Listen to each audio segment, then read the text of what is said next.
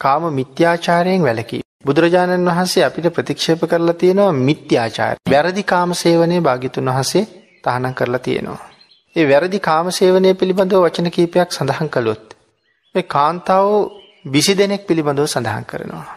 ඒ 20 දෙනාගෙන් මුල් 8ක් සඳහන් කරනවා මෙහෙම අම්මා විසින් රකින්න දුව. අම්මා නෑ තාත්තා විසින් රකින්න දුව. අම්මයි තාත්තයි දෙන්නම එකතු වෙලා රකින්න කෙනා. අම්මයි තාත්තයි දෙන්නම නැතුව වැඩිමහලු සහෝදරයා හෝ සහෝදරිය විසින් රකින්න දුව. එහෙම නැත්තම් ඥාතීන් විසින් රකින්න කෙනා. ශාසනගත වෙලා නම් ශාසනය තුළින් රැකින කෙනා. මේ අට දෙනා මේගොල්ලෝ ආරක්ෂා කරන්න කෙනෙක් නිතන්තරයෙන් බැඳිලා. එතකොට සඳහන් කරනවා මේ ධර්මයේ පරාජිකා පාළියේ ගැඹුරුම තැනක සඳහන් කළොත් මේ කාමය කියන එක දැන් අම්මා දුව ආරක්ෂා කරනවා. නමුත් අම්මට දුවගේ කාමයේ පිළිබඳව ආරක්ෂා කරන්න බෑ. නමුත් ඇය සමග යම් පිරිමියෙක් කායික ඇසුරක් ගොඩනගා ගත්තොත් ඇයට කාම මිත්‍යාචාර අකුසලයේ සිද්ධ වෙන්නේ නැහැ. නමුත් පුරුෂයාට සිද්ධ වෙනවා. ඇය අවිවාහක තරුණියක්. ඒ නිසා ඇයට සිද්ධ වෙන්නේ නැහැ.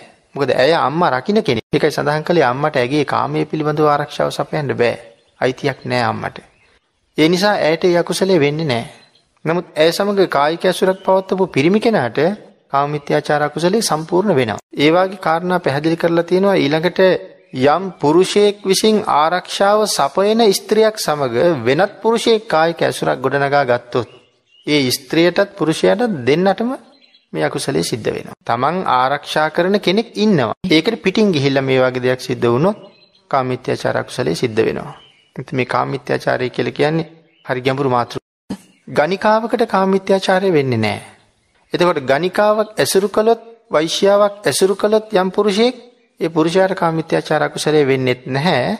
නමුත් එහෙම වෙන්න ඒ වෛශ්‍යා වෘත්තිය කියන එක රජය විසින් නීතිගත කරලා තියෙනවා. නීතිගත කරලා තියෙන්න ඕනේ ප්‍රසිද්ධියේ මෙන්න මේ අය වෛශ්‍යාවෝය කියලා හැමෝම දැනගන්න ඕනේ. දැන් අතීතයේ බුදුරජාණන් වහන්සේගේ කාලේ අතීත සමාජයේ මේ වෛශ්‍යා වෘත්තිය කියන එක නීතිගත වෙච්ච ඉතා ප්‍රධාන පෙළේ රැකියාවක්.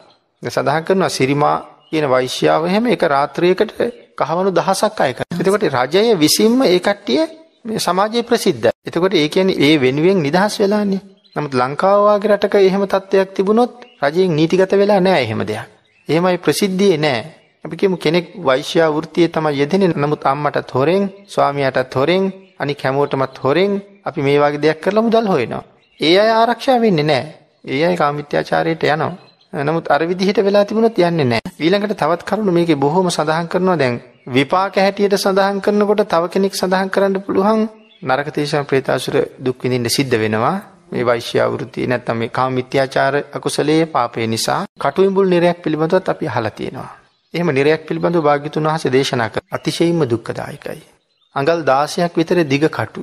එතකොට අපි සොරසැමියෙක් හොර බිරිඳක් සමග ගිහිල්ලා හරි යම් හෙව්වේ සැපයක් නම් ලෝකේ සැපයි මේ මෙහෙම දෙයක් සැපයි කියලා අර සඳහන් කරනවා කටුයිඹුලත් හරියට නිකන් යහන් ගත වුණා වගේ කියලා. අපි ඇඳක සැතපුනහම මුළු ශරීරයේම ඇඳ මත තියෙනවනේ. ඒ වගේ මේ කටුයිඹුලෙත් එහෙම තමයි කටු ඇනෙන්න පටන් ගත්තාම මුළු ශරීරයම ඇනෙනවා. අති දීර්ඝ කටු සිදුරු කරගෙන අනිත් පැත්තෙන් මතුවෙනවා. යහනක සැතපී විඳින දුක එදා යහනේ සැතපීලා මේක පරම සුවයයි කියලා හිතුවා නම් ඊට වඩා කෝටි වාරයක දුකක් ඒ කටුඹුලේ දෙහිම විඳින්න සිද්ධ වෙනවා. එහෙම අති භයානක පැත්තක් භාග්‍යතුන් වහන්සේ දේශනා